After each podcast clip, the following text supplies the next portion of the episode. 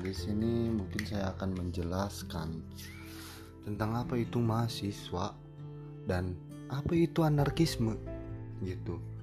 Mungkin kesadaran kawan-kawan semua tentang apa itu mahasiswa udah jelas. Kawan-kawan diajarkan terutama kawan-kawan yang mahasiswa jelas diajarkan waktu mereka kawan-kawan semua masuk kawan-kawan disumpah atau kawan-kawan harus membacakan Tridharma perguruan tinggi. Itu kalian udah tau lah peran fungsi mahasiswa itu ada apa aja. Namun di sini kenapa saya mengkaitkan dengan anarkisme? Anarkisme menurut saya itu ada di diri semua para mahasiswa. Jelas kenapa saya bilang seperti itu? Karena mahasiswa ini adalah orang-orang yang dulunya dulunya tidak baik saya katakan tidak baik, bukan nakal, dan ingin menjadi lebih baik lagi. Itu kenyataannya secara realita seperti itu. Dan di sini anarkisme akan timbul ketika mahasiswa yang dulunya tidak baik akan menjadi baik dan mereka berproses di perguruan tinggi atau universitas atau institut atau apa sekolah tinggi banyak macam-macam yang mungkin mereka itu ingin berproses menyadarkan diri agar anarkisme itu tidak muncul kembali. Atau yang dikatakan tadi tidak baik itu hilang.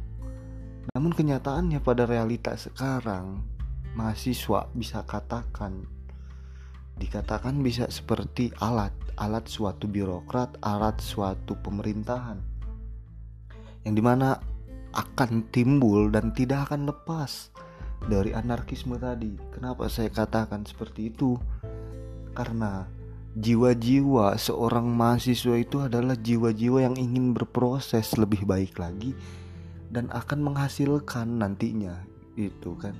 Makanya buat kawan-kawan di sini kita simpulkan mahasiswa ini kita siklusnya tuh bundar mahasiswa birokrat setelah birokrat adalah politik setelah politik menjadi anarkisme. Lalu setelah anarkisme ke mana gitu kawan-kawan kan harus bingung. Bingung juga nih kawan-kawan. Setelah menjadi anarkisme apa? Kembali lagi ke mahasiswa.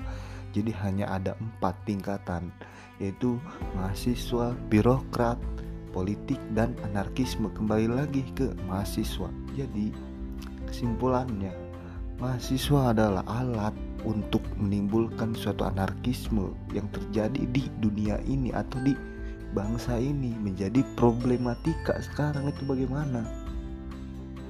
Mungkin itu dari saya. Sekian terima kasih